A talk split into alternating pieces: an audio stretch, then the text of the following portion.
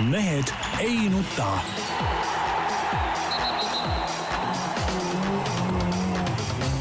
mehed ei nuta.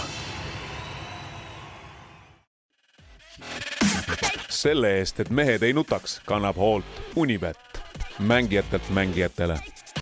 tere teisipäeva, nagu ikka, Mehed ei nuta eetris, siin külmas stuudios lõdiseme. Tarmo Paju Delfist, stuudio omanik. ei lõdise üldse. Ja sul on kampsun nüüd seljas muidugi, Peep Pahv Delfist, Eesti Päevalehest. tervist. Jaan Martinson Delfist, Eesti Päevalehest ja igalt poolt äh, mujalt. alustuseks äh, olin ära Hispaanias sa olid Hispaanias, sa olid Kataloonias. ma olin Kataloonias. ja Kata Kataloonia on kuulutatud ennast iseseisvaks. kuule, Peep. kuidas sa eksid, see on rahvusvaheline, ütleme kriis, kriis tuleb siis, skandaal. Kuule, vaata, ma kogu aeg igal pool kirjutasin Kataloonia ralli nii, tegelikult ta ei ole enam Kataloonia ralli. ei, ei ole Rally de España, kõik ametlikel äh, ah, plagudel. see on nüüd poliitiline mäng jälle. ja ei, see on poliitiline mäng. see on sama hea praegu, kui sa ütlesid, kui oleks äh, toimunud, ütleme kaheksakümnendate, seitsmekümnendatel mingi võistlus Tallinnas ja siis oleks öeldud, et tervist, ma siit nagu käisin no, Tallinnas Venemaal. ja just no,. sama teeb välja. nii, aga, aga ühesõnaga äh, tööd oli palju, telekaid ma niikuinii ei vaata, arvutist ka ei viitsinud vaadata ja siis näen, opa, ETV-s jookseb pornofilm nagu seesama noh, pank on siis muutunud, nagu ma sain aru, pornofilmiks kätte ära. no pornot seal nüüd ei olnud, Jaan no,. porno, lesbiseel ongi puhas porno. ei ole või? no see ja see on hardcore. see oli hardcore sinu arust. ei olnud või? No ei tea.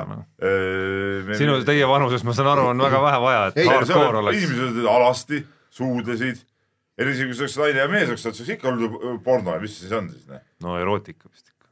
no ei no erootika on see, kui sul mingi pits, pitsikesid kerkib natuke ülesse niimoodi. et kederluud on näha, jah? täitsa, täitsa, täitsa paljad olid. ja, ja kusjuures, kusjuures nagu ma saan aru, et ma, teate, ma ei julge ka seda panka enam vaatama ka hakata, tead. sina ikka... läheks, sul läheb vererõhk läheb üles. ei, vaat ma tahtsingi öelda, ma olen vana mees, mul läheb vere, ma ei tea, mida nad veel näitama hakkavad. no kui see, see oli teie jaoks porno juba, siis tõesti hoidke eemale, sellepärast et see võib teile halvasti mõjuda, noh mm.. sest kui päris, mõtle, mis päris, mis siis juhtub, kui päris pornot näidatakse. nojah nojah, seda ka, ei tea, mis juhtub. Jaaniga eriti, Jaan, oi Jaani pole, eks. jaa, ei absoluutselt. mina nagu mees on metsapull, minul ei juhtu midagi. mina sain jah aru, et, et see on nagu pangandusest jutt, aga noh, selgus, et, et hoopis mingid muud asjad on. ei no aga ikka tasub ju natukene susata sisse, paljast ihu ka. ei no ikka, ilus, ilus, ilus ihu oli ka. kui, kui muidu, kui muidu ei, võib-olla rahvas, rahvale ei meeldi, siis vähemalt noh, näed siin mõne silmapaari Peebule sai mingid boonuspunktid ikkagi, ma arvan, sai kirja Peebu silmis. kas saad öelda, et olid koledad kehad või? Äh, ei taha öelda aga aga ma pean ütlema, ma, ma pean ütlema, aga ma pean ütlema, et ma ei vaadanud seda teist osa ja ma, ja mul on tunne, et isegi pärast äh, arusaamist, et seal on need paljad kehad, isegi sellepärast ma ei viitsi vist vaadata, sest tundub, et see asi nagu sisulises mõttes läheb aina hullemaks. sisulist midagi juurde ei andnud jah, ma võin öelda, et ütleme, arvamusest ei muutunud ka arvamus. et ega need kehad nüüd nii, nii vapustavad ka ei ole. nii, kas on kenamaid nähtud? oli teil siin Eestis veel midagi põnevat või ägedat või? meil seal Kataloonias nagu midagi erilist ei olnud, ilm läks külmaks, seal oli pluss, kujutad ette, pluss viisteist kraadi ja need eh, nii-öelda turva, turvatädid, kes seal väravates olid, neil olid kõik karvamüts peas, olid kindad, olid kõik käes ja no kujutad ette ikkagi, pluss viisteist. see on talv. see on täielik talv, noh. no mis siin on, siin on ju äh meid ootab ju ees suur, suur riigireform võib-olla, riigireformijad tulevad, ei naljakas on ikkagi see, et kõik, kes tulevad siin, kõik suured reformijad, Eesti kakssada ja, ja, ja, ja need ärimehed, kes riigireformi lubavad, alustavad siis sellest mõttest, millega, nagu me hommikul siin Peep arutasime, no ütleme, pärast neljandat õllet kuskil saunalaval, noh, tuleks nagu igasugune, iga inimene selle peale, alustavad siis ideest, et võtame kümme riigikogulast vähemaks, kaotame kuluhüvitised, eks ole, et noh, kus see ongi nagu kõige tähtsam asi üldse selle juures, et, et no mis selle asja mõte siis on?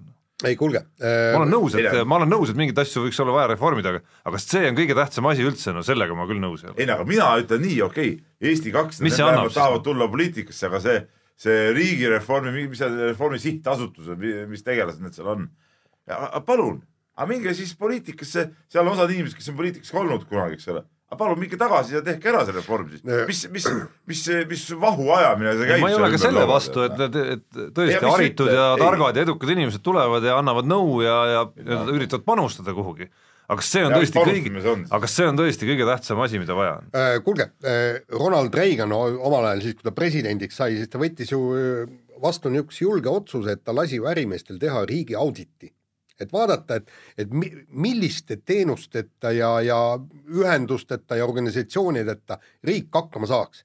ja, ja sealt tuli ikkagi täiesti jõuline ports äh, neid kärpeid pakuti välja, kusjuures enamus, enamus ta äh, võttiski kasutusele kõik, kõike mitte ja täpselt samamoodi võiks ju teha praegu riigi auditi, et vaadata selle pilguga ära, et kuhu meil raha kulub liialt ja, ja liigselt. ja kusjuures ma olengi nõus sellega iseenesest ka ja ma arvan, et see ettepanek ju ei ole iseenesest ka halb, aga kui sa alustad sellega, et see ongi nagu kõige tähtsam asi, on see kümme inimest. siis, siis see on täpselt see, siis see on täpselt see, et viskame Suures selle nüüd välja, siis äh, kindlasti see kõik, mis me räägime, tundub rahvale nagu läheb peale kindlasti, on ju, ja noh, siis hakkame võib-olla rääkima nendest asjadest, millest rahvas nii võib-olla aru ei saagi võib-olla, eks.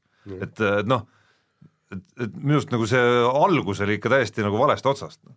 ja, ja ma arvan, ma, ma see, see, mis nad nüüd räägivad nagu järgmiste sammudena, eks ole, seal a la pooled ametnikud ja nii edasi, noh, now we are talking, eks ole, inglise keeles. ja, ja, ja ma loodan, et järgmine valitsus, kes võimule saab, tõesti teeb nagu tõsise ja korraliku riigi auditi ära, selge see, et, et seda ei saa aasta-kahega, aga, aga sealt, sealt saab pihta hakata. ma arvan, et, et meil, me ikka põletame seda raha ikka meeletult, no siit igalt poolt on praegu näha ja kuulda, et, et see raha põleb. raha, mida tegelikult ei ole. nii, lähme spordi juurde, ikka, räägime rallist. Needus, ma saan aru, on ja nüüd äh, ikkagi vee poolt üle võetud sinu poolt. nojah, aga mis sa käid seal niimoodi ja? tead see, ma, mitut võitu sellest, sellest sa näinud oled? no midagi ikka olen mitut näinud. võitu sellest sa näinud oled? no Saksamaa võitu no, nägin, ma ei mitu mäleta, mina olen? ma ei tea, kaks, jah, no vot. ei, aga, aga on, Taskar.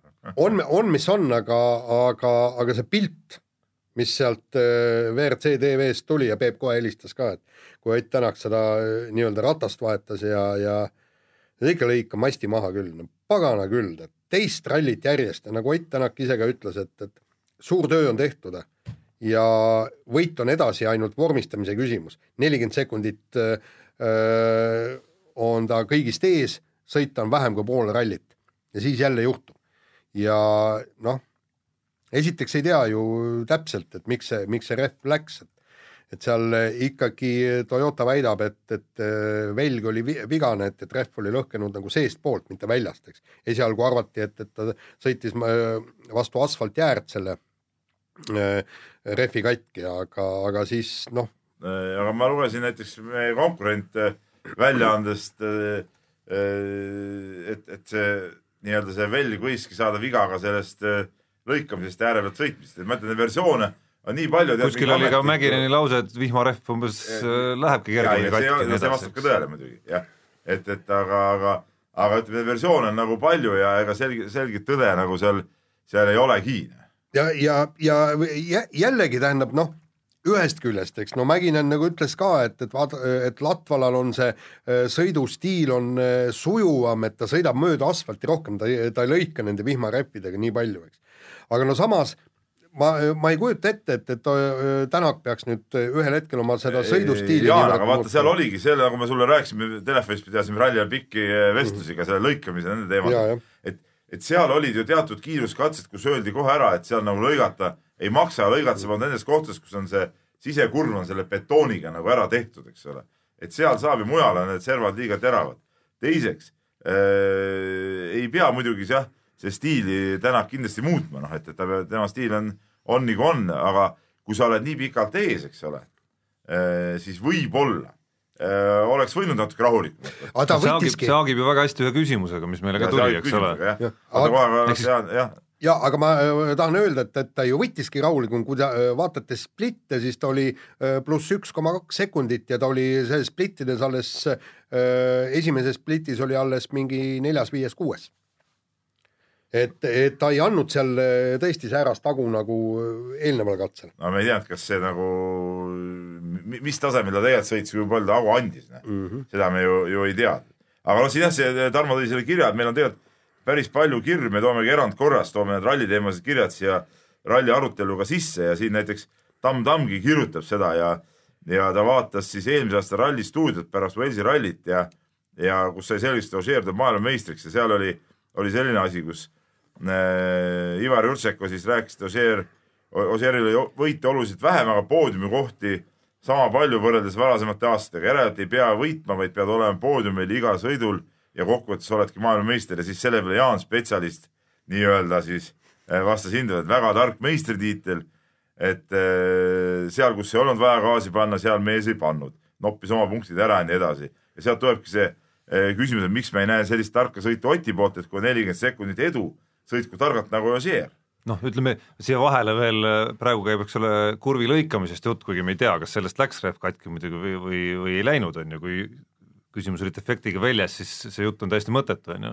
aga ei, sama asja see velg võis ka no okei okay,, no see võis ajendi saada ja, sellest, eks ole, aga noh, tundub, et kui ta oli, siis ta oleks võib-olla varem või hiljem ikkagi läinud, on ju. noh, seda me, seda me ei saa kunagi teada, aga teine, mida ütleme nii-öelda tavaline rallisõber on ju ka küsinud ka päris tihti pärast rallisid, kus küsimus on selles põhjakattes olnud, on ju, et kas ta seal oleks võinud natukene nagu tagasi tõmmata, natukene nendel hüpetel, on ju, et see, seal on sama, sama küsimus on olnud õhus nagu varem ka ei, ei no seal, seal ei ole, kui me võtame, võtame nüüd esimese põhjakatte, mis läks, kui ta sõitis üle kivide, kui sa tuled sealt äh, kurvist, sul on kivid ees ja ei, seal ei olnud midagi teha. seal, seal ei ole mitte midagi teha. ei no aga need hüpped on samamoodi, noh et kui sa hüppad ja maandud, no sa ju ei tea ju seda, et see niimoodi läheb ja sa pead nii lambi kohas ka veel noh mm -hmm., et, et ei, ei no selles suhtes ma ei arva seda küll, aga jah, et võib-olla see Lasseri peal tõesti noh, aga ma ei tea, kas see oli ju lõppkokkuvõttes põhjus, eks ole. tervet katset, tervet kiirus, just, just. Ja, ja kui teistpidi, tervet kiiruskatset või mitte ainult tervet kiiruskatset, poolt rallit peaaegu sai läbi ju nii, et sa üheski kurvis ei lõika asfaltit ei, välja ennast. siis sa seda esimest kohta ka ei hoia, ma arvan.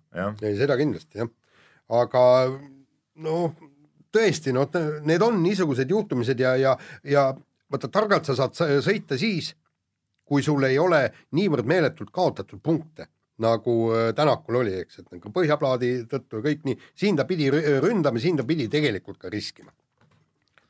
aga äh, võtaks siit need paar küsimust veel ralli teemalisi kirjadest äh, ette, mis meil on siin tulnud ja, ja, ja, ja küsib meie käest siis Georg, et, et just see, mis puudutab see Sebastian Lööbi võitu nüüd seejuures, eks ole, mis oli ka ju selle ralli, ütleme, kui meil oli see oma draama Tänakuga, siis tegelikult ütleme, võib-olla rallimaailma suuremat isegi puudutas lööbi eh, võit, eks ole, ja ta küsibki, et, et eh, mis te arvate, kas see näitab, et, et Priin ja Ösberg ei ole piisavalt tasemel sõitjad, sest lööb võitis sama autoga nüüd ralli ära, ehk siis Citrooniga ja kas selles valguses tuleb Ožeeri järgmisel aastal ülimalt karta? ma ütlen, et jah.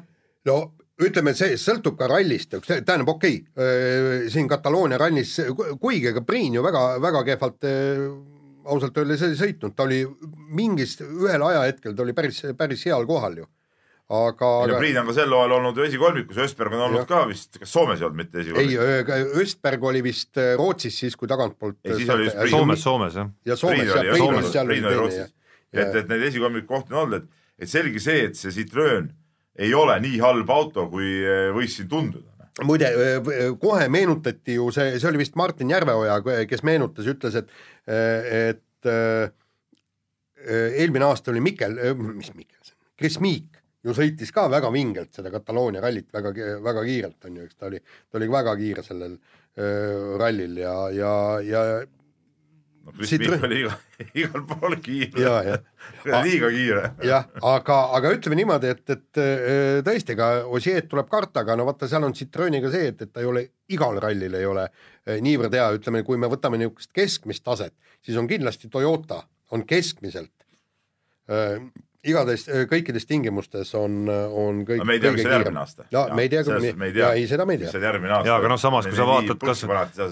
ja samas, kui sa vaatad lööb, eks ole, on asfaldil näidanud, et nad on kiired äh, ja siis võtad need kaks ülejäänud esikolmiku kohta Östbergilt ja Priinilt, eks ole, siis need on ka erinevad rallid, eks ole, Soome ja Rootsi. ei no Rootsi, Rootsi ütleme, Rootsis okay, oli... Rootsi on üldse erandlik, eks ole. Soome ja mõnes mõttes eh, jutt käib praegu nagu kiiretel rallidel tundub, et Citroen ongi väga hea küll aga vaata, mis ma ütlesin, et me ei tea, mis saab järgmine aasta, tegelikult ütleme hooaja, ütleme noh, peaaegu kuni keskpaigani valitses ju arusaam, et kõige kõvem auto on ikkagi Hyundai'l hoopis, kõige parem auto. ja see järsku muutus nagu Toyota kasuks. et, et selles suhtes eh, noh, need asjad eh, võivadki nagu muutuda, noh, et, et ega me ei tea, mis järgmine aasta saab sest tegelikult vaatame seda, Toyota oli ka, vaata kui hea oli Latvala just siinsamas Kataloonias, eks jah. jube vingelt sõitis, noh, kuni, kuni lõpuks no ta oli kõige kiirem mees ju tegelikult. oligi kõige Tema oli kiirem kõige mees, kiirem mees jah, ja, ja, ja tegelikult, kui sa lappi äh, aegu vaatad, ega ka ei ole hullu. kuigi noh, temal mul lappi kohta, mul on arvamus ka, ma ei tea, aina negatiivsemaks muutunud, noh. no nii, nii kakahäda nägu nagu see mees teeb seal kogu aeg, tead, no on ikka raske nagu teha, tead no kogu aeg on mingi itk ja viletsus. no on, on. on õudne no. täitsa inimene, noh. no, no ei ole võimalik siukest meest nagu pooldada isegi kuidagi no eks seda võib ka võtta ikka, ma arvan, tegemist on ju kollanokaga siiski. frustratsioon on no jaa nagu,, aga ma arvan, et see ongi nagu mingi pidev, fa nagu. mingi faas, mis tuleb tal võib-olla läbi käia, kolme aasta pärast näeme võib-olla hoopis teistsugust lappi, aga mis äh, Citroeni ja lööbi puudutab, siis et ei tasu unustada veel ju seda osa, et äh, äh minu arust noh, lööb läks ju selle ralli käigus isegi paremaks kogu aeg, et mis siis veel oleks, kui ta regulaarselt sõidaks selle autoga, et ta ise sõidaks kogu aeg ja, ja ise tegeleks, ja ise tegeleks selle autoga veel kogu ja, aeg ja testiks ja, ja nii edasi ja nii edasi, on ju, et mis siis veel nagu juhtuma hakkaks, minu arust isegi areng nagu ühe ralli kontekstis kolme päeva jooksul oli nähtav ju. ja aga, aga veel, veel kord ma ütlen, et lööb on ülikõva vana ja, ja nagu äh, Esa-Pekka Lappi ka ütles, et ta tõmbas meile kõigile siin mütsi pähe, eks aga jällegi ärgem unustagem ära, eks, et ta tõesti sõitis puhtalt füüsilisest eest. see on täielik umbluu, see on täielik umbluu, see, et tema sai pingevabalt sõita, teistel olid pinged ja. peal. kuule, ta võitis ralli ära, Jaan, no ta on ei, kõige kiirem ei, mees, saad aru kokkuvõttes. ta, ta oli kõige ja, kiirem ja mees lõppkokkuvõttes no,, lõpuks. no ongi kokkuvõttes, see loebki, see loebki ju see loebki ju. Latvale võis ju seal ka olla, ühel katsel panna kümne sekundiga kõigile, eks ole, tead ja, ja kuni see rehvi purunes, sellel katsel poole peal oli juba Peep. üle kümne sekundi õigesti ja mis sellest kasu on? Peep, Peep, aga ralli mm tähendab ju seda, et sa pead sõitma kolmteist või järgmisel aastal väita, et Sebastian Loeb, kes on vist üheksakordne maailmameister. selline sõi-, selline. ta ei ole võimeline sõitma hooaja läbi äh, tipus või? ma olen absoluutselt kindel, Jaan, ma olen absoluutselt vaata, kindel. oota, vaatame selle, vaatame selle aasta tulemusi, ta on sõitnud kolm rallit, ühe võitis ja kaks läksid pekki, ühes no, oli ta viies no,, ühes oli kaheksas. seal, kus ta oli viies, ta juhtis rallit kuni rehvi purunemisega. see no,, selle sinu, oota Jaan, sinu selle väite põhjal, äh, et läks pekki, et ta ei olnud nagu parim, tähendab seda, et sa ütled ka seda, tunnistad nüüd, et Ott Tänak ei olnud tegelikult hea mees, sest talle rehvi purunemise tõttu läks, läks tulemus oli ka viies või kuues oli tähendab, eks ole, nii et see ei ole ju adekvaatne jutt, mis sa räägid, me ei. räägime kiirusest, sa ju, sa ju ei eita seda et Ott oli väga kiire. ja sa ei saa eitada ka seda, et lööb selle ralli, kus ta oli viies, oli väga kiire, ta oli liider sel hetkel ju. nii no, ongi. jaa, aga mis põhjustel ta liider on, seda ma ei mis tea, ma ei tea, no kuule Jaan, ära jama nüüd. nii, aga lähme veel ühe ralli kirja juurde ja, ja Reimo on meie käest küsinud sellist asja, et kui nüüd juhtub nii, et Ott Tänak ei tule maailmameistriks, keda pooldate teie eh, siis nagu seda tiitli saajaks ja Reimo ütleb, et tema meelest võiks Ossier võita kuuenda tiitli, mitte see jonnipunn Neuvill. no mina olen siin no, ma arvan, kogu, ma arvan, et kogu Eesti, Eesti rallitiim või Eesti nii-öelda ralli avalikkus nõustub, ma arvan, sellega ikka. ei no ei, mis ei no seda ma ei ole nii kindel, ega, ega Neuvill, noh, paljudele meeldis ka see, kui jälle uus mees tuleks võitma. aga lihtsalt mina olen läbi selle hooaja seda Ožee mantrat siin tagunud ja, ja ma jään nagu endale kindlaks, et ja Jaan ei ole mind kunagi uskunud, aga Jaan, sa pead tunnistama, et mul on ikka peaaegu õigus olnud. no mulle meeldiks juba sellepärast no., äh, sellepärast Ogier, et äh, siis jääks Tänakule võimalus olla esimene pärast Ogier'd järgmisel aastal. pärast Sebastiene, pärast Sebastiene no,. nii, aga, aga mis nüüd Austraalias sa, saama hakkab, sellepärast ärme ikkagi Ott Tänaku võimalusi ka täiesti maha kandke. et äh, kuigi tšempioniks tuleb ta ainult siis, kui võidab ralli ja, ja sisuliselt mõlemad mehed, nii Ožee kui Neuvill katkestavad. või, või, või siis katkestavad nii, et noh, on seal äh, kuskil taga üheksas, kümnes. aga nagu Tarmoga siin me eile arutasime, nagu ka märkis, et noh, rallis see katkestamine või ütleme, see sihuke ebaõnnestumise äh, moment, noh, see on, võib tulla mitte millestki ja tühja koha pealt ja, ja no., ja see ei pruugi enda vigagi olla seal on mitu küsimust, esimene küsimus on see kas nende enda vahel läheb nagu reaalseks sekundimänguks, ma arvan, et see on nagu hästi oluline küsimus. et äh, kui seal peaks juhtuma näiteks see stsenaarium, kus esimesena startiv Ogier kuidagi kaotab nagu liiga palju aega näiteks. Ja nende omavaheline vahe liigub kuskile, ma ei tea, poole minuti peale näiteks, et seal ei lähe nagu sekund sekundis andmiseks, on ju, noh, see kahandab muidugi kohe võimalust, et seal emb-kumb äh, noh, päris hullu hakkab ajama näiteks. aga kui seal on sekund sekundis, ma arvan, selle tõstab tõenäosust, et seal juhtub emma-kummaga mingisugune viga vaata, seal on see jama, eks, et see nii-öelda viga peab juhtuma ühel kiiruskatsel. nii kui üks vend paneb ühel kiiruskatsel välja, nii võtab kohe järgmisest kiiruskatsest alates teine vend asja rahulikumalt. jah, aga noh, siis piisab, nagu sa tead väga hästi, rallispordis sellest, et auto lihtsalt ei käivitu näiteks Ot, kuskil katselt ülesõidult äh,, mis iganes. muide, seda me just seal Kataloonias noh, ma ei ütleks, et pikalt arutasime, aga me arutasime seda teemat. Viimasel ajal on need ralliautod niivõrd vastupidavad, et nad ei lagune lampi ära ja, ja me meenutasime just, et ütlen no,. lampi on siiski lagunenud, ma tuletan sulle hea meelde, sellel hooajal Jari-Mati Latval on generaator kaks korda alt ära hüpanud, täitsa tühja koha pealt. täiesti tühja koha pealt. ja ei, see on mingisugusel ajahetkel, nii, oot-oot-oot, äh, me, me meenutasime ühte, ma ei mäleta, mis aasta see oli, äh, üheksakümnendatel tšempionaati, äh, kui oli, kui oli, sõideti kas, kas samuti kolmteist või neliteist rallit anti rallivõidu eest kolmkümmend punkti ja maailmameistritiitel võideti alla viiekümne punkti, sellepärast et iga, iga sõitja tipus äh, lagunes auto ära kas seitse või kaheksa korda. praegu. sellega ma olen nõus, et autod püsivad rohkem terved, aga sel hooajal on olnud äh, on olnud neid probleeme ikkagi, et see päris. ja, aga niivõrd vähe, niivõrd vähe. aga vähe küll, selles suhtes ma olen sinuga nõus et noh, kui tõenäosustest rääkida, siis vaadates Roger ja Neuvilli näiteks selle hooaja nii-öelda nagu juhtumisi siis, eks, et noh, siis äh, kaksteist rallit on olnud kakskümmend neli kahe peale, seal on olnud ütleme, niisugune kuus-seitse nagu reaalset juhtumist, ükskõik, kas see on siis sõiduviga olnud või, või autoga midagi juhtunud, noh, saame seal kuskil nagu kolmekümne protsase tõenäosus, et vähemalt ühega midagi juhtub noh, korrutad need veel omavahel, eks ole, kuskil kümne ringis tõenäoliselt mõlemaga midagi juhtunud. aga kui sul on äh, protsent, tõenäosus protsent, et Kotiga midagi siis tuleb jah, see tõenäosus ka veel juurde panna. et seda, tema protsente vaadates, siis tema tõenäosus on kõige suurem neist tegelikult veel. tal on kõige rohkem nagu Just. olnud neid ebaõnne ja äpardusi, et, et niisuguse endast mitte sõltuvaid nagu äpardusi. nii, aga vist oleme ralli teema sellega ammendanud. oleme ammendanud, kõlli sul ei ole? paneme lihtsalt edasi. paneme edasi, nii mis meil on ah,, meil on sisuturunduse rubriik. sisuturunduse rubriik. jah, tervitused Urmo Soonvaldile ja siis kanname ette. nii, kanname ette seda, et, et mina ei näinud, teie kõik nägite, oli ilmselt vägev, aga kaks suurepärast hokimatši Tallinnas. eelmine aasta ma käisin vaatamas KHL-i hokit, oli, või üle-eelmine aasta oli ülivinge ja, ja ma sain aru, et, et tribüünid täis ja anti tõsist kuuma, Jogerid võtsid kaks võitu. jah, no see sisuturundus antud juhul oli natuke nali meie omavahel siin, et teema ujus siia täiesti sõltumata sellest, et Ekspress Meedia oli korraldaja, et käisin ise ühte mängu nendest vaatamas, see oli teine mäng, kus ei olnud tribüünid nagu nii täis. vastane seal äh, nagu nõrk. just, ja noh, see natukene jättis sellele mängule ka pitseri, sest mängupildi järgi oli noh, väga selgelt arusaadav, et Jogerit on parem meeskond kui mm. Severstall, aga sellest hoolimata suutsid äh, kaks võistkonda äh, natukene erinevatelt tasemetelt väga korraliku spektaakli lõpus korraldada, kus eelviimasel minutil visati viigivärav ja ja viimasel minutil äh, siis vastu Jogerite poolt võiduvärav, selles mõttes oli ela, elamus ikka täiesti korralik.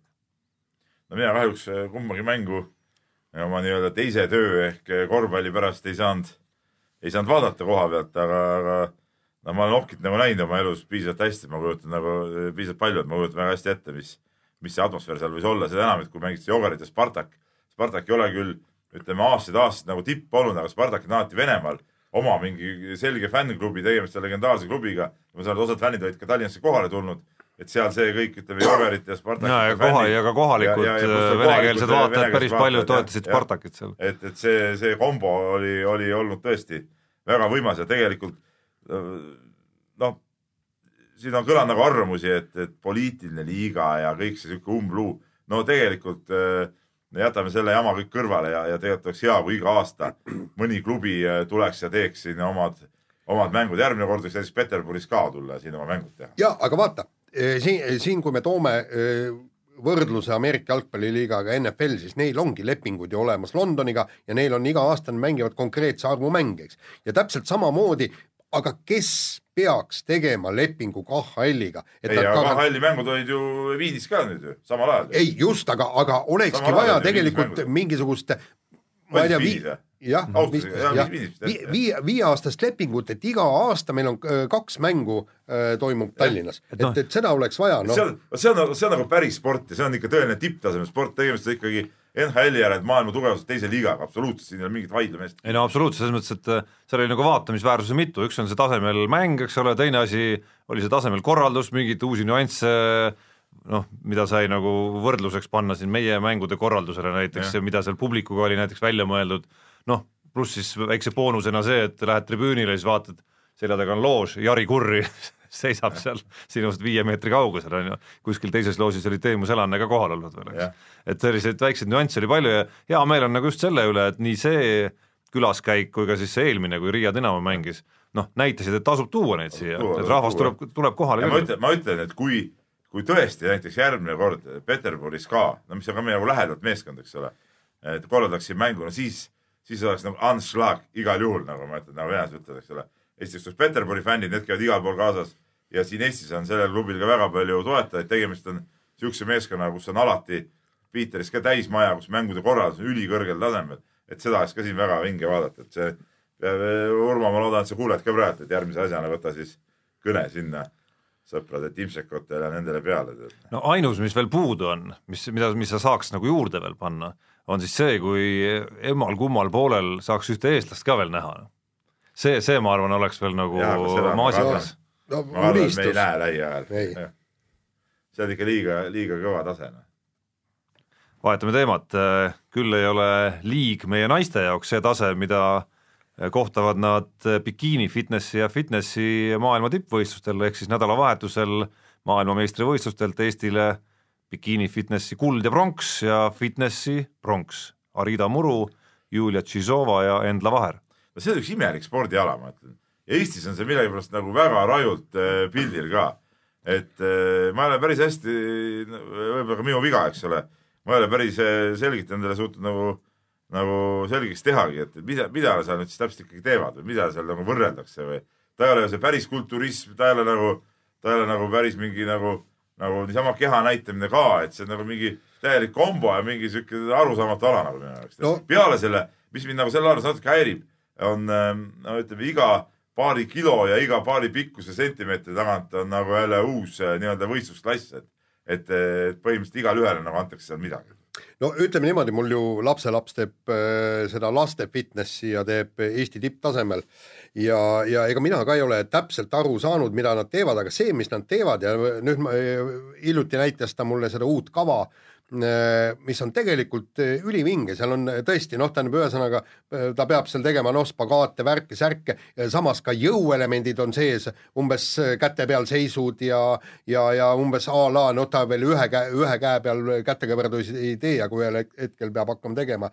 Ja, ja kõik see. Ja, ja kui ma vaatan teda, eks, kuivõrd naiselik ta on, kuivõrd sirge rühte, noh. ta on vana võimleja no ta on, no ongi niimoodi, et, et iluvõimlemisest, sportvõimlemisest sinna lähevad, eks. see tulebki iluvõimlemisest. jah, no et ütleme niimoodi, et ja naisterahval on kasuks ka ja ütleme niimoodi, et tal on ka noh, peab pidama dieeti selleks, et kehakaal oleks normis et, et minu meelest noh, naisterahvale sobib see ala. ei, ma ei ütlegi, et ta ei sobi, ma lihtsalt ütlen, et see on nagu sihuke natuke sihuke nagu müstiline maailm nagu, nagu, nagu päris spordi kõrval on nagu mingi sihuke paralleelspordimaailm nagu.. aga metsikult populaarne Peep, eks, et ei, kaks, kaks väga, väga suurt trendi, eks ole, mida me näeme siin, ütleme, ma ei tea, viimase kümne aasta jooksul võib-olla Eestis, eks, üks on see tohutu rahvaspordilaine, ehk siis noh, suvalisel hetkel äh, kui ma olen käinud ja ma, ma ei loe ennast veel selle laine osaliseks kuidagi, sest see, kui palju või vähe mina harjutan, no see ei kannata võrdlust seal nendega, kes tõesti on nagu mingi pisiku nagu ikka nagu kuskile eriti sügavale sisse saanud. metsikud hulgad, nii jooksjaid, rattasõitjaid ja noh, nii mõnedki nendest, kes noh, lasevad vist üle võlli isegi natukene selle kõigega. ja teine on siis see rahva hulk, kes, keda me näeme, ma ei tea, MyFitnessites, Sparta spordiklubides, jõuagregaatide ja, ja kõige selle kallal, on ju ja, ja ei muidugi, see on, see on väga ja, ja, ja just, mis puudutab veel selle nagu ala sellist nagu kasutegurit, täna hommikul just juhtumisi hommikutelevisioonis näitas Kristjan Pordi äh, lühiloengut sellest äh,, mis juhtudel spordi tegemine on kahjulik. ja, ja üks kolmest äh, nagu tähtsast asjast, mille Port välja tõi, on see, kui see treening, mida sa teed, on äh,, ei ole nagu tasakaalus omavahel, et sa tegeled, ma ei tea, ühe konkreetse asjaga, mis arendab sul ühte konkreetset mingisugust äh, liigutust ja, ja lihaskonda näiteks, mitte nagu tervikuna keha aga see, mis, kui me räägime fitnessist, siis noh, see vist on üks kõige ühtlasemaid ja, ja tasakaalukamaid asju üldse. Mhm. just. nii, aga tuleme korraks, põikame autoralli juurde tagasi. salata muidugi, ütleme, kui me räägime nüüd sellest hullusest siis nagu ütleme mehena noh, super asi, millega su naine võiks ju tegeleda. ei, ei, see on absoluutselt et käib veel võistlustel ka ära tihti, eks ole, siis on nagu rahu ka natukene on ju kõik, kõik variandid. seal on mida vaadata ka ikka. noh, see ka. aga nüüd eh, püüame suunurgad puhtaks ja kuivaks tagasi ja, ja läheme autoralli juurde uuesti. Eh, veel kord, Chris Meek siis eh, Ott Tänaku uue hooaja tiimikaaslane sai juba Toyotaga teha esimesed põristused kuskil Soome metsades ja ülla-ülla, auto läks külili aga noh, seal ei olnud väga vaikse hoo pealt ja, ja, ja sihuke väga no aga küllili ta läks. ükskõik, kuidas Tommy Mäkinen üritas seda ilustada, ükskõik, kuidas Tommy Mäkinen. see oli selge, et auto oli täitsa terve, see oli nagu näha piltide pealt ka ja mina arvasin ka muuseas, et see ongi mingi fake värk, ma Jaanile ütlesin ka, et kuule vaata, et auto ei ole üldse katki, et, et ta on ilmselt külili lükatud, aga noh, ei olnud nojaa, aga noh, ühel mehel juhtub no,. ei noh, aga kooliraha tuleb ära maksta. Absoluutselt. tähendab, see on nagu selge ja seal võis olla teine asi ka, vaata mees sai uue auto endale, eks ole. ma ei tea, nendel ralliautodel on ka väiksed need numbrid, eks ole, auto registreerimisnumbrid, see on ikka registreeritud. noh, viimase numbri järgi on ju see, et nii mitu äh, siis nuia pead nagu välja tegema. ma arvan, Miik ei olnud veel välja teinud ja no kohe ütleme kõrgelt poolt karistati ära. ta ei tea võib-olla seda üldse ka. Kes, on mõni inimene, kes ei tea seda? no juhi ma ei ole kindel. juhilubade viimane number ja, on ja auto sellest. viimane number. aga kas, kas Chris Meek seda teadis, noh? kuidas ta teadis, kuidas ta elanud on nii vanaks siis? no, no selle, sellepärast ta käibki üle katuse kogu aeg. nagu jaa, vot see on ka täiesti õige mõte. võib-olla sellepärast ta käibki üle katuse, jah ja. et aga nagu traditsioonist tuleb kinni pidada. jaa, aga ma rääkisin Tommy Mäkineniga, Toyota bossiga ka ja küsisin, et kas ei ole vähekene hirmutav, et sul on nüüd tiimis eh, kolm eh, venda, kes eh, sõidavad põhjagaasiga ja kõik tahavad rallisid võita. ja siis ta ütles, et noh, et Eh, ei ole sugugi halb, et kui, kui neil kolme, kolmel kahest õnnestub, et siis on poodiumid meie ju, et et noh, et selge see, et, et Latvalalt ju ka noh, vaatame kasvõi seda Kataloonia ralliti ka, no vend läheb ikka võidu peale välja. viimased kõik rallid võtta järjest, no mees on kogu aeg olnud ju, ju ikka täiesti tipus. Jah, ei, järgmine aasta ägedaks läheb, vaatame, millega see muidugi kõik lõpeb, aga nii. tipus küll, Peep, aga sa pead tunnistama ka seda, et kui on läinud siis selleks kõige otsustavamaks nagu võitluseks sekund sekundis, siis ta on ikkagi alla pidanud vanduma nüüd kaks korda järjest. Äh, jah, seda küll. paraku. nii on. ja Ožeel. ei no Ožeel, Ožee vandus seekord äh, lööbile alla. no jah. kuulge kes poleks pidanud alla vanduma, nii. muide, muide vahe, kiirelt vahelepõikeks see, et, et Ožeeri mõte oli see, et, et pagana lööb, tuleb siin meie käest punkte või, ära võtma, on ju, eks, et tema ütles, et, et reegleid tuleks sedavõrd muuta, eks. no see oli päris huvitav ala ausalt öeldes vanameister Ožeelt. sellega Ožeel natuke ka mind ka üllatas, tulles, see on, see on hea point, ma pidin tegelikult selle jutu mm -hmm. üles ise võtma, aga mul läkski meelest ära, hea, et Jaan võttis selle üles mm. -hmm. aga see on absurdne väide ju. aga mis siis on siis? et, et nii ei tohiks lasta nagu peale mehi, kes sõidavad mõned etapid või? Ja no põhimõtteliselt see on, see on tema, tema idee noh. no aga mis siis saab, kui järgmine aasta või sel hooajalgi olid Sordo ja Pädan sõitsid kumbki pool hooaega, mis nad siis peavad sõitma, ei tohikski sõita või? no põhimõtteliselt küll jah. punkte saada või? ja no, põhimõtteliselt tema teooria järgi jah. ole mees ja sõida kiiremini noh, ega siis see, et keegi käib kolm korda aastas sõitmas ja seda, et, et ta sinust kiirem peaks olema, no mis, mis naljajutt see on? Noh. no teine asi, mida Ožee üritas nüüd ajama hakata, on ju see, et nüüd on pinge justkui Neville'i peal oot-oot-oot-oot, kuule ma saan aru, et see on osa mängust, aga aga ikka pinge, ma arvan, on liidri peal siiski palju rohkem, ma arvan, Neville on just nüüd mingis olukorras, kus võib-olla toimub ei, mingi väike vabanemine. ei, ei, ei, ei, Tarmo, selles sa saad sassi. me rääkisime sellest ka Ralli stuudios äh,. Ožee on äh, tiit, viis tiitlit juba kapis olemas. tal ei ole kindlasti sellist pinget kui Neuvillil, kellel on see võib-olla elušanss praegu, ainuke šanss võib-olla elus saada. jaa, aga Neville on nüüd ikkagi lihtsas li,, oluliselt lihtsamas seisus kui see, mis ta on mis olnud siin viimastel rallidel. nüüd ta teab, et lihtsam ta... on see, et ta saab teisena startida, muud midagi ei no lihtsam on ka see, et, ta teab, ta peab edestama nüüd kindlasti see, see Ožeed, eks ole, see on kogu teadmine tal, tal ei ole enam teadmist, et oi, talle ma olen siin juhtimas, on ju, mis juhtub siis, kui ma teen nii, mis juhtub naa? No,, nüüd on väga lihtne seis. oleks seis vastupidi, peaks ikka edestama ja seda küll, jah. ainult sel juhul, kui ütleme, mõlemad katkestaks, siis ei peaks, aga muidu peab ikka edestama. jaa, seda küll, aga selles mõttes tal on, minu arust on ta seis lihtsamaks läinud nüüd ikkagi. ma arvan, et äh, talle võib-olla teeb head isegi, et see asi niipidi läheb lahti Austraalias. no ütleme niimoodi, et Ogier väristas natukene ära, vot see, mille pärast ta seda äh, lööbi kallal äh, plõksima hakkaski, on see, et oleks ta võitnud, et, et siis oleks ju punkti, punktivahe ikkagi nagu mahlakam olnud, oluliselt mahlakam olgu, me ei pidanud ralli juurde tagasi tulema, lähme okay., lähme nüüd edasi. ralli on uus korvpall, ma saan aru.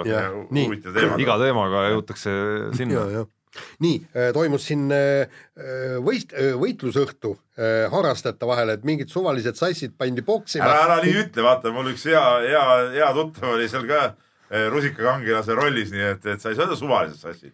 täitsa suvaline sass, viskab sulle kinda varsti ja, ja sa ei saa ei ka öelda. ja näitas isegi ühes telesaates, ta on Keilas mängib korvpalli ja, ja ma, on ja kui ta juba kinda viskab sulle, Jaan, ega siis pääsu ei ole. ma, ma lihtsalt ütlen, et mitte persoonidena suvalised sassid, aga poksijatena suvalised sassid pandi poksima sinna, kuluvad jalas, on ju, kohtunik oli ka mingi ringi korralikku ei olnud. aga turvamees oli vist. nii, ja, ja, ja siis jama see muidugi. ja, ja siis noh, Eesti Poksiliit muidugi äh, hakkas kohe torisema, et Õige. seda kaklusklubi äh, reklaamiti kui poksi ja minu meelest see on ka õige. see on sama hea, kui see on sama hea, kui ütleme, tehakse mingi autoralli on uus korvpall, teeme rallivõistluse ilma ühegi turva selle reeglita, eks ole. et paneme, ma ei tea, kümme autot korraga ja, ja turvapuure midagi pole ja mingeid reegleid pole. ja võtame su-. no küsimus on muidugi selles, et nad ei ole kunagi reklaaminud ennast poksiüritusena. võitlusüritus, noh. ei, ei, poksikindad on käes, see on ainus. ei, ei, see oli ikka ikka poks. see oli ikkagi poks, see ei olnud ju see ei olnud ju see mingid arusaamad, kus jalaga taotakse, see oli puhas poks tegelikult. et, et aga. aga nad ei nimetanud seda poksiürituseks siiski no,. Nad ei pretendeerinud sellele. nimetus et... ei muuda ju asja sisu ju. aga mis nad oleks pidanud siis enda nimeks panema, noh, või kuidas seda no,. ma ütlen, et see on jumpstükk, ega ta on ikka mikrofon tegelikult edasi, ta ei ole jumpstükk mis nad valesti, ma küsin nii, mis nad valesti tegid siis? niisugust võistlust ei tohi korraldada ei no ütleme niimoodi, sellega sa sead ju elu, elu ohtu. see Peep. ma ei tea, kas, vaat ma ei ole küsinud, Marko Viik oli see mul vana, vana sõber, kes seal osales, oleme temaga koos mänginud ja, ja ja möllanud ja trenni teinud ja ma eeldan, et nad pidid allkirjastama ikkagi, et see on nende enda vastutus. kas seal oli näiteks, ütlesime, mingi meditsiiniteenindus ka kohal no,? kui hästi see oli kõik nagu, nagu vaat need on väga olulised asjad tead võistluse korraldamisel. no iga, igal juhul näiteks turvamehed olid kohtunikes, kuigi poksikohtunik on ju, on ju väga, väga kes otsustab jah, millal sa katkestad, mismoodi, vot see, selles suhtes ma olen nagu poksiliiduga nõus, et tegelikult siukseid äh, poolmetsikuid põrandaaluseid äh, üritusi äh, no ei tohiks olla või kui nad on, siis ei tohiks saada mitte mingisugust äh, kajastust tegelikult. no samas kindlasti parem, kui nad vehivad seal noh, vähemalt sellisel kujul, mitte siis ilma kinnasteta kuskil nurga taga. nojah, aga ütleme sama, sama Marko ei ole kindlasti see mees, kes käib kuskil nurga taga ilma kinnasteta vehkimas, et see tuli üldse mulle suure üllatusena, et ta seal, et ta seal osales, aga noh, ta on Moiserite pundiga tihedalt seotud ka, nii et, et, et eks see sealt see võitlus huviga tuli aga noh, ma soovitan tal ka niisama inimeseks hakata ja vähem selle jamaga tegeleda. aga nii. kiire vahemängu lõpetuseks, mis äh, nii kiire pole sugugi olnud, aeg tiksub jälle halastamatult äh,, kiiresti viskame õhku küsimuse, kas äh, tõepoolest Nõmme Kalju suudabki Eesti jalgpalli meistritiitli käest anda, mis vahepeal tundus, et äh, noh, pole mingit kahtlustki enam. no ütleme, viimasel ajal on Nõmme. Kalju tegelenud küll täieliku pässerdamisega, mitte, mitte oma Äh, peaaegu käes olnud tiitli vormistamisega, vaid on lihtsalt saadud viike ju mingi täiesti naljaklubide vastu. noh no, selles kontekstis naljaklubide vastu. no siin, siin on jah, tõesti äh, noh, arusaamatu, kuidas ei ole võimalik noh, jalgpallis, jalgpall peaks ikkagi olema niisugune mäng, et äh, kui sa, kui sa oled Eesti meister, siis sa peaksid ikkagi neid viiendaid-kuuendaid meeskondi no vähemalt üks-nullgi võita suutma või, või, või kuidagi, aga, aga et sa saad siin mitu nagu kahtlast viiki järjest, et noh. no tõestab ilmselt ikkagi seda kulunud mantrat spordis, et ega selle võidu vormistamine alati ongi kõige raskem osa ikkagi, nii mängusiseselt, äh, ükskõik mis alast me räägime, noh kas või korvpallist või tennisest, eks, või, äh, või nagu näha, siis ka nagu hooaja lõikes, et Nõmme Kalju on ju noh, megahooaja mänginud tegelikult, kaotamata ühtegi mängu. nojah, aga varsti on tühjad pihud ja no see, kaotavad ühtegi see, mängu, mitte võita muidugi päris raju. kuule, aga see oleks, kas on võimalik mängu kaotamata jääda või ilma meistritiitlist? on küll, nagu näed, noh. nagu jaa. piisab ühest viigist veel ja, ja see võibki juhtuda, noh. No, ja seda, ma saan aru, seda on juhtunud tegelikult äh, ajaloos küll. aga aeg minna uue saate osa. nii, ja lähme veel kirju, äh, ralli teemast kirjad lugesime ära, siin on palju huvitavaid kirju veel tulnud ja võtame Indreku kirja, see, mis tuli selle peale, kui eelmine saade ja ka selles saates suutsime rääkida tükk aega seriaalis Pank, mis on täielik saast kuubis ja Indrekul on soovitus, vaadake Kanal kahest Alo seriaali, mitte mingit panka. ja mina pean ütlema, ma ei tea, kuidas teie, head sõbrad, mina olen seda Alo seriaali vaadanud ja soovitan soojalt. väga naljakas asi, oled näinud seda? ei ole. Jaan, sa ilmselt, noh sina tead. aa, see on see müügimehe sari. see on see, kus Tõnis Niinemets mängib tegevustoimu Škoda müügisalongis. Tõnis Niinemets mängib mingi pool opakat automüüjat. Ma olen näinud ja, neid, ütleme sarjale eelnenud Youtube'i klippe. ja siis millest... seal väga-väga minu arust eriti laheda rolli teeb seal ka Priit Võigemast, kes on siis salongi juhataja ja siis aeg-ajalt näitab siis nagu niimoodi, kuidas ta, seal on võetud nagu sihuke formaat, kus siis vahepeal need tegelased on siis kaamera ees ja nagu räägivad äh, mingit oma filosoofiat ja siis Priit Võigemast salongi juhina siis räägib tü-, ju-, tüüpilisele tühjale juhile omast mingit siukest filosoofiat, kuidas kätega vehkides, kuidas asjad käivad nii ja naa ja mingid siuksed sügavmõttelised sõnad, aga noh, tegelikult seal taga nagu mitte midagi ei ole, et, et see, mina soovitan küll vaadata, see jumala naljakas asi. Noh. ja, ja jumala, jumala hästi tehtud, jumala head näitlejad ka mängivad seal kaasa. vennad Piusid ja, ja kõik, no kamp on korralik koos igatahes. et selles suhtes võrreldes pangaga, jah, minu arust see poolteist miljonit sinna selle Alole anda kuigi see on ilmselgelt odav seriaal. või, või, äh, või siis osta selle asemel vähe nii-öelda panna, panustada veel rohkem sellesse, et need samad pühapäevaõhtused krimiseriaalid oleksid, äh, et seal oleks kogu aeg nagu tipptase olemas no,. viimane, silla kiitud. viimane osa no, tuleb nüüd pühapäeval. mina, mul oli nagu millegipärast kogu aeg arusaam, et juba see eelmine video on viimane ja vaatan mõtlen, mis, mis jama see on, et mis nüüd siis, et vaata kella pealt hakkab ära lõppema ja midagi nagu klaariks ei saa veel, et mis, mis värk no sa ei on. ole ikka nagu tõsine jälgija. ei no see, ei mul oli nagu, jah, ma olin nagu kuidagi nagu valesti aru saanud, et viimane, viimane osa on, aga ei, ei no väga, see on sild on ikka super, super asi muidugi see, see peaks nagu etalon olema. nii, aga äh, siin on veel, veel kirju ja, ja äh, Sauna Madis jõe ääres kirjutab äh, sel teemal ja siin natuke ERR saab, saab nahutada, et, et mis käsipalli vaimustus nüüd on siis nagu järsku lahti läinud, et täiesti ebanormaalne olukord, kus Eesti käsipallikoondis sõitis siis võõrsile Hollandiga mängima ja kolmel päeval järjest oli AK spordiuudistes eellugu et eh, kolme järjest siukse õhtu, et isegi kui Eesti vutikoondis kohtuks kodus Prantsusmaaga, ei tea, kas oleks enne mänge nii sage kajastus. et, eh, et nende eetris olnud lugude sisukust ja spordiala publiku tõmmet arvestades äh, ei ole nagu kõik paigas, eks ole, et noh. selle skeemi järgi peaks iga Klaavani mängu eel olema seitse lugu ja Kontaveit vähemalt kuus tundi päevas laivis. et küsib, et kellega peab ERR spordis magama, et oma ala sedalaadi staatusesse tõsta no see on, see on üks, tegelikult ma saan aru, millest see tuli tegelikult, see on üks eh, totrus, natuke Eesti ajakirjanduse totrus ka, et kui minnakse kaasa kuskile või no minnakse kajastama midagi, seal ilmselgelt ERR läks koondisega kaasa, et siis nagu vägisi peab tegema lugusid. Ja seda on tegelikult lehtedes ka tihtipeale juhtunud, siis tulevadki mingid tühjad, tühjad eellood mõnikord, ka mingi pallimängukoondiski minnakse ka tõesti kaasa, kaks päeva ette tehakse mingid umbluud ja niimoodi. noh, tegelikult eh, see ei peaks nii olema, lihtsalt need, need ei ole nagu loogilised lood ja sama asi oli selle, selle ETV-ga ka, et tore on, mindi kaasa, kajastati, teeme ühe loo, teeme mängukajastuse, kõik, no mis siis teha, kui, kui varem kohale sõideti, ega ei pea iga päev vägisi tegema mingeid absurdsusi. ja kusjuures ei ole seda vaja suurde eetrisse portaali kuskile. portaali, täpselt, just. tee mõni väike nupuke sinna, mõni huvitav kild, ei pea olema AK uudistes kohe, et seda filosoofiat peaks ERR-i sporditoimetus ka no ma ei taha nüüd konkurente muidugi õpetada, seal on väga normaalsed vennad kõik, aga, aga natuke võiks nagu muuta võib-olla seda mõttemaailma ja see käib ka meie endi kohta tegelikult. Noh.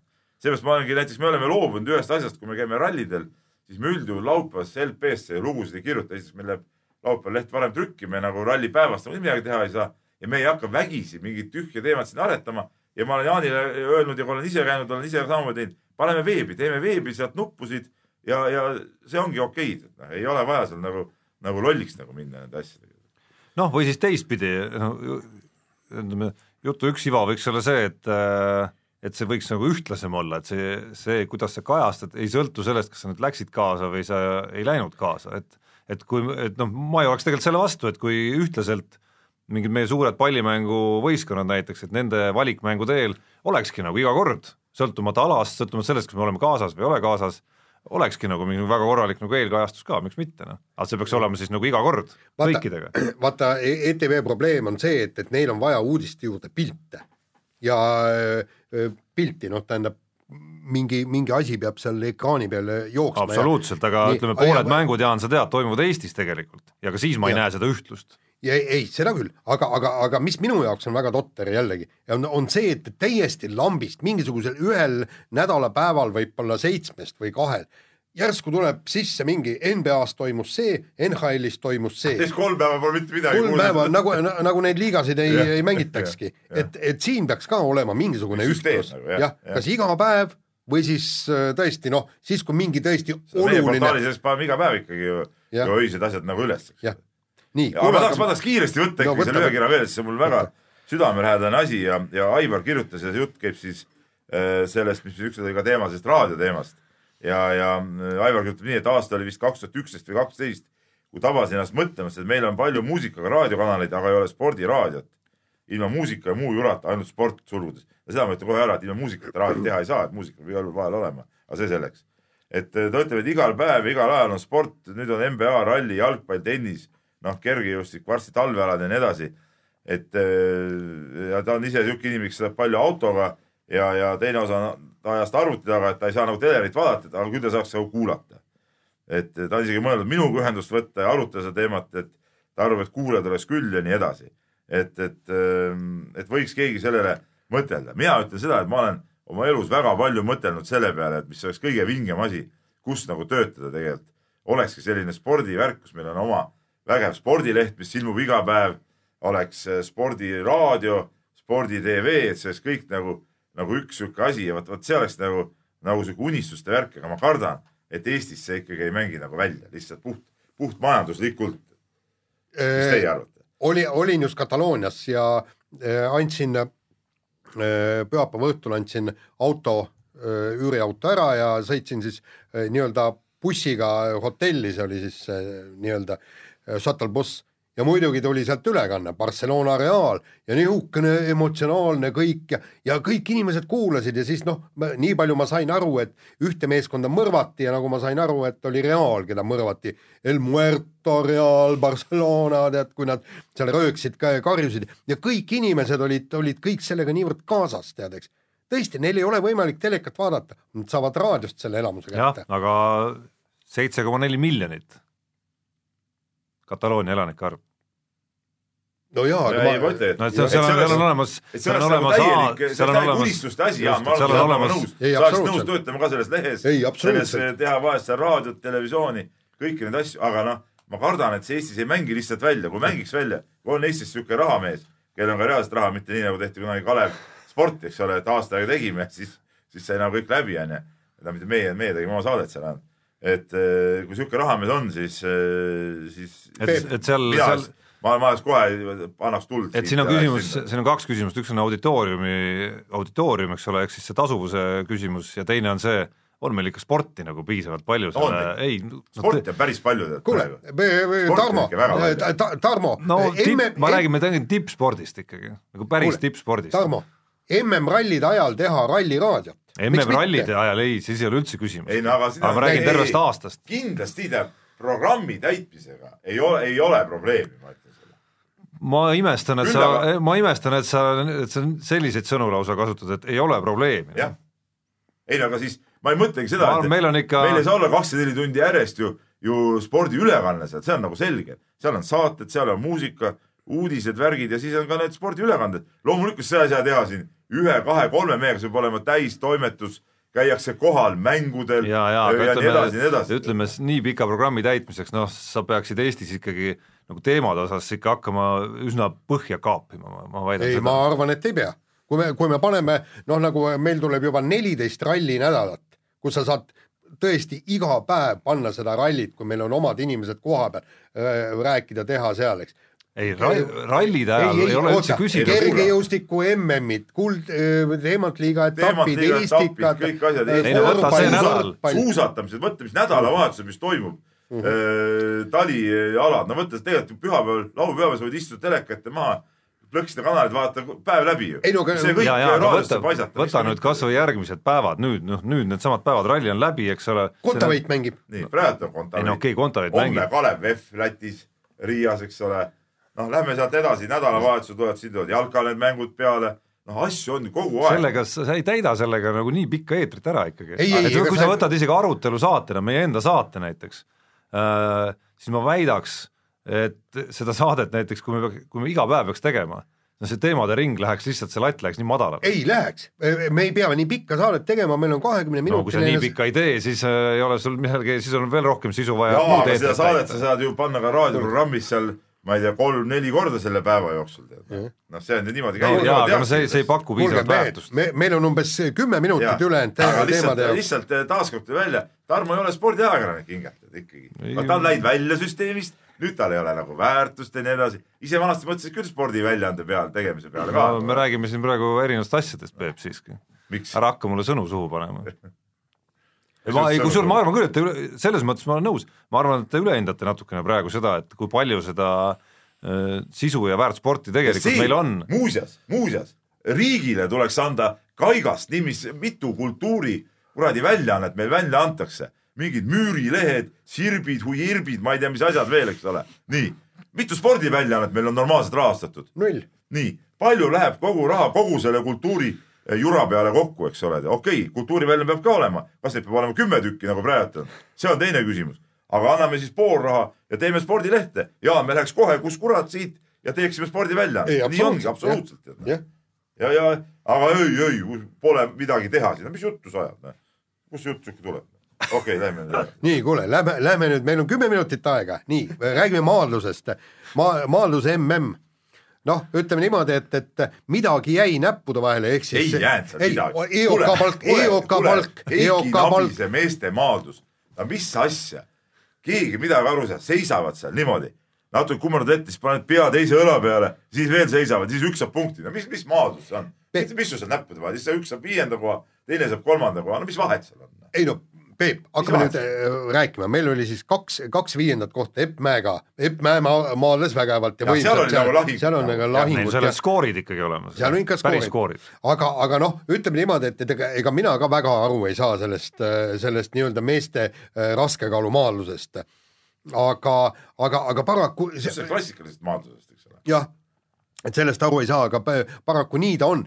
ma rääkisin ühe äh, maadluseksperdiga ähm, äh, siin pa- paar aastat tagasi rääkisime just sellest maadlusest ja ta ütlebki, et tegelikult see, et vaadake seda maadlust, kunagi, kunagi oli maadlus see, et kui mehed läksid mati peal kokku, siis nad maadlesid, tõmbasid teist meest endale vastu, et kuule, tule nüüd maadleme, nii, võtsid Aga aga kinni. aga tule. nüüd tõukavad ära, et äh, ära tule. Ongi täpselt nii, nii. Ja kes, ja kes esimesena siis ei jaksa enam tõugata, just, see siis põhimõtteliselt kaotab punkti. ei ei, absoluutselt. mina saan aru nii, et kes pea alla laseb, et see näitab passiivsust, siis on nagu teine saab punktid. ja no seal on iga, igasugused variandid, aga mis Epp Mäesse puutub, siis, siis noh, no kogu aeg tal jääb midagi puudu, ma ei, ma ei tea, mitmes, mitmes kord tal on juba, juba kaotada siin medalimatš ja, ja, ja treener on ju suurepärane, eks, soomlanna Petra Olli tuli maailmameistriks, Ahto Raska õpilane, no see ei tähenda, et ta veel suurepärane treener on. miks mitte automaatselt tähendab või? ei no kui sa kuule, võid oma õpilase maailmameistriks. kuule, tal oli ju see lätlanna oli ju, tuli tema juurde üheks aastaks. aa jaa, jaa, ei ma kuulsin valesti ja,. Jah, jah, just, ma Just. sain aru, et ta ise jõudis maailmameistriks. ei, ei. nii ja, ja, ja kõik, et, et tähendab, Epp Mäel on kõik kaardid käes, aga midagi jääb natukene puudu, et, et ta on kõiki neid maadlejaid võitnud.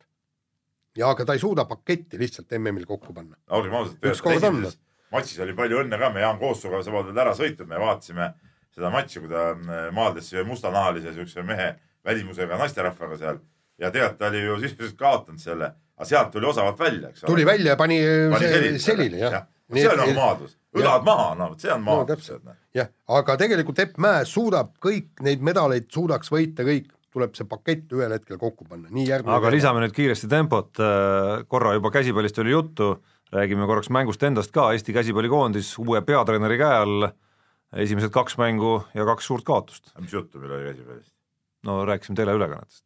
Aa, okei okay,, tele. või tähendab telekajastuses. sul läks meelest ära see juba. kuule, nii, leid-, leidsin. mina käisin kohal, mina käisin kohal. oota, oota, ma ütlen kohe. Jaan saatis muidugi iroonilised SMS-e mulle mängu ajal. no põhimõtteliselt ma, ma, ma raiskasin oma elust ära kakskümmend viis minutit täiesti tühja, viisteist minutit siis äh, Hollandiga mängust vaatasin Laula tv-st ja kümme minutit äh, mängust vaatasin äh, ETV-st, nägi ilusasti Kataloonias seda kõik nii, no andke andeks, no no me, meie omad ei oska käsipalli võrrelda võrreldes Hollandi ja Sloveenia. ja, ja, ja, aga mõtle loogiliselt, Sloveenias kakskümmend viis mängijat Champions League'is.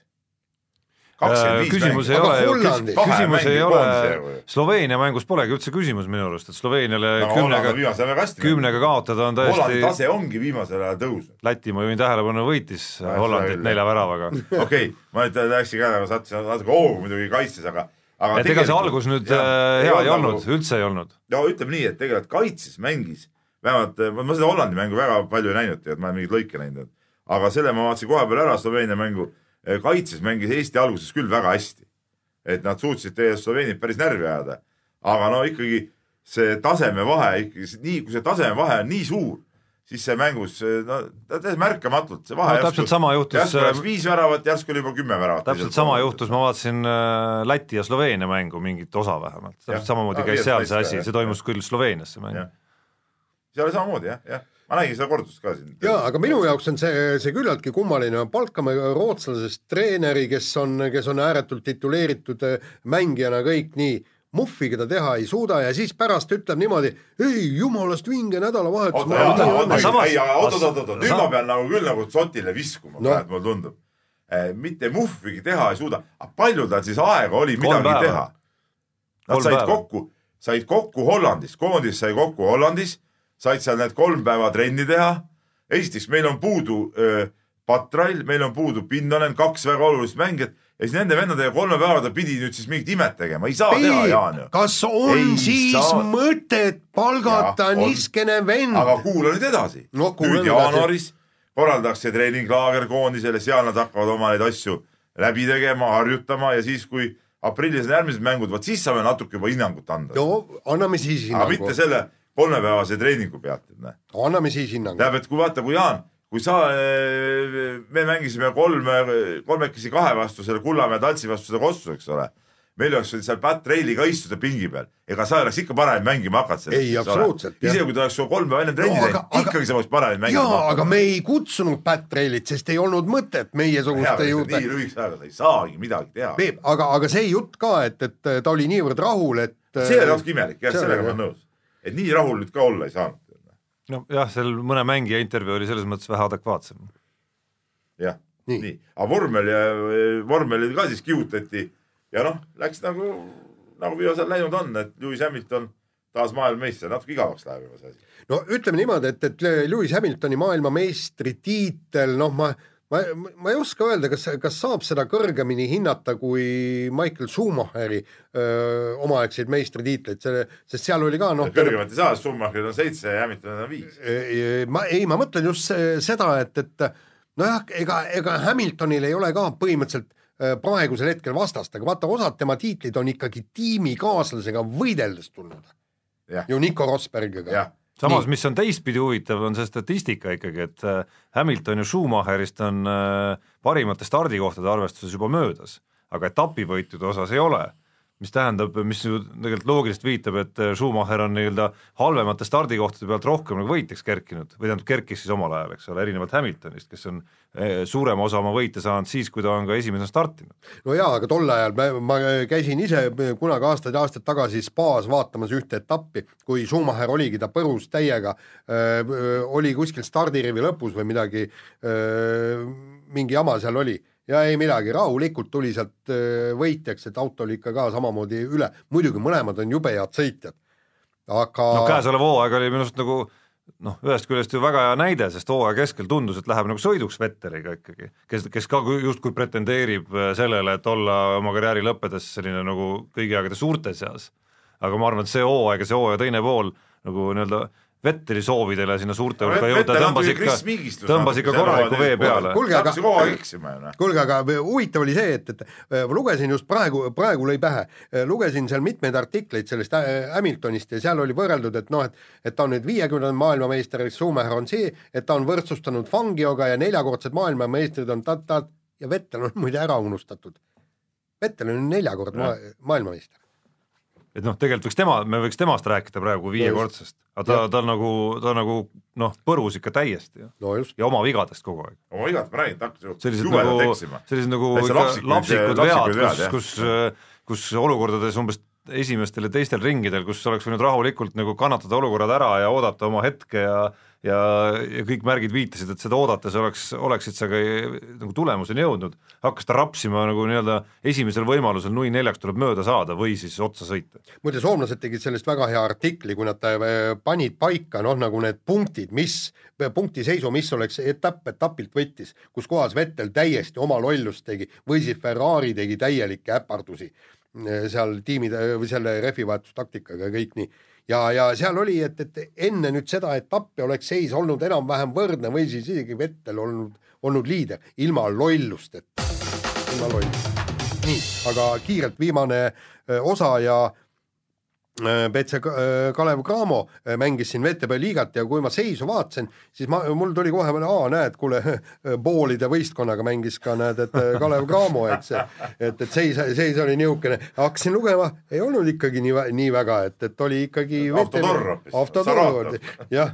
no NBA-s, kui sa näed, siis need asjad on ikka päris ulmeliseks läinud. no kuule, nüüd siin... ma nägin mingi sada nelikümmend, mis iganes. no mehel oli, Clay Thompsonil oli täna öösel siis kolmanda veeranda keskpaigaks neliteist kolmest sisse visatud lõpuks viisteist vist oli. ei, neliteist täis ta võeti välja, noh, siis aitas küll, vahe oli, seis oli umbes sada kahekümne see oli ju superprotsent oli ka. ja, ja seis oli selleks ajaks sada kümme, kuuskümmend. ja, ja ei, ma ütlen, see superprotsent oli ka ju hommiku, hommiku aga tähendab, põhimõtteliselt enam nagu kaitses, kaitses on loobutud mängimast. no üldse. ma olin seal mängul kohal ja, ja enne aga see... teeme täpselt, et said kohal Kalev Cramo mängul, mitte Clay Thompsonit. Kalev Cramo mängul jah, kahjuks või õnneks et äh, olin seal kohal juba ja juba mängu ajal tekkis, isegi kui oli, ei olnud veel selge, et see skoor päris nii suureks läheb, esimesest poolest räägin, kus Autotor jäi ikkagi alla viiekümne punkti, vist oli nelikümmend seitse, kui ma õigesti mäletan, siis juba siis tekkis natukene see tunne, et, et pagan, siin on nagu ühest küljest jube hea tunne nagu selle Kalevi selle hooaja komplekteerituse, koosseisu ja kõige koha peal olnud, aga kui nüüd nagu kaitse poole pealt vaadata seda asja ja just individuaalse kaitse poole pealt, selge, et võistkondliku kaitse osas on tööd vaja teha ja ja seal on treenerist sõltub palju ja, ja nii edasi ja nii edasi, aga just individuaalse kaitse osas pagan, see pilt ei ole tegelikult üldse hea, et, et neid mängijaid, kes jättes nüüd tsentrid välja, need perimeetri mängijaid, kes üks, kes üks-ühe vastu võib-olla ei, ütleme siis, kuidas ma sõnastan, ei langenud ohvriks mingites olukordades seal, noh, tegelikult ei olnudki, isegi Martin Torbek, kes on meie nagu üks-ühe vastu kõige parem kaitsemängija, isegi, isegi temal paaris üks-üks olukorras noh, ei olegi võimalik, et keegi kõik üks-üks olukorrad võidab, on ju, kaitse poole peal. sest mis seal salata, sa võtad need äh, ründemängijad nüüd ette, kes on enamikus klubides seal jänkidest korvikütid, nad on päris osavad mehed ka ikkagi noh. ja on küll. ja see mäng ongi nii lihtsaks läinud, et äh, põhimõtteliselt rünnaku kuuendast sekundist, kui võimalus tekib, hakataksegi üks-üks olukordi otsima juba ja, ja see üks-üks kaitsemäng, sellest algab kõik, noh. ja kaks varianti, kas üks-üks või katte-kattes, noh, et midagi muud väga, väga pole. et samas... siin, siin Martin Torbek, ma vaatasin mängu järel kuidagi äh, kuidagi justkui oli pahane natukene, et siin seal hakati nagu kehvast kaitsemängust rääkima, tõsi, kolmandas lauses pärast seda pahameelt jõudis ta ka selle järelduseni, et kaitse oli väga kehv. Noh. ja, ja, aga no siin tekkiski see, et räägid, et oi, et no vastased olid ikka väga head, need üks-üks mängijad ja kõik individuaalsete oskuste poolest. aga mõtleme nüüd, aga kas Saratovi autotorn on nüüd mingi eliitklubi, et seal on mingid nüüd täitsa tõesti gigavennad, jah, olid, muidugi olid head mehed, aga nad ei olnud ju veel ju mingid supervennad, eks ole, et, et me vaatame siin kõvemates asjades on veel paremad need mängijad ju noh. et selles suhtes nüüd öelda, et umbes, et no, et me sellepärast ei saanud seda kaitset pidama, et vastaste üks-üks mängijad olid, olid nii kõvad, see ei ole ka päris õige või adekvaatne noh.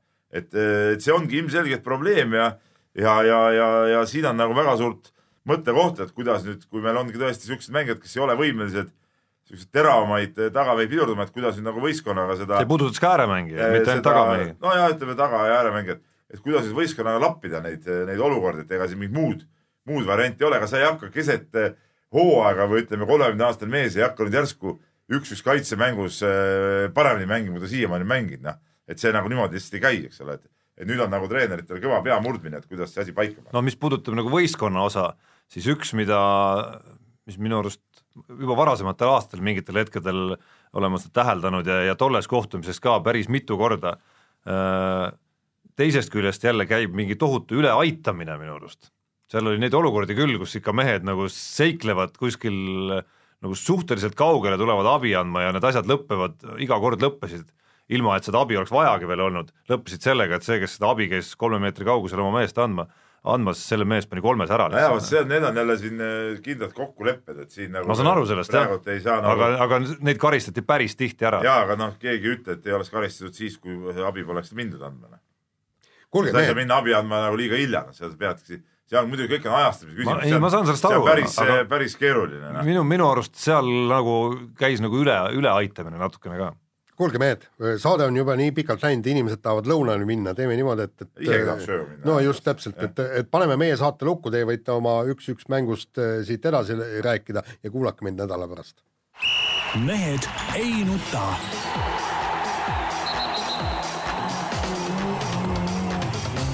mehed ei nuta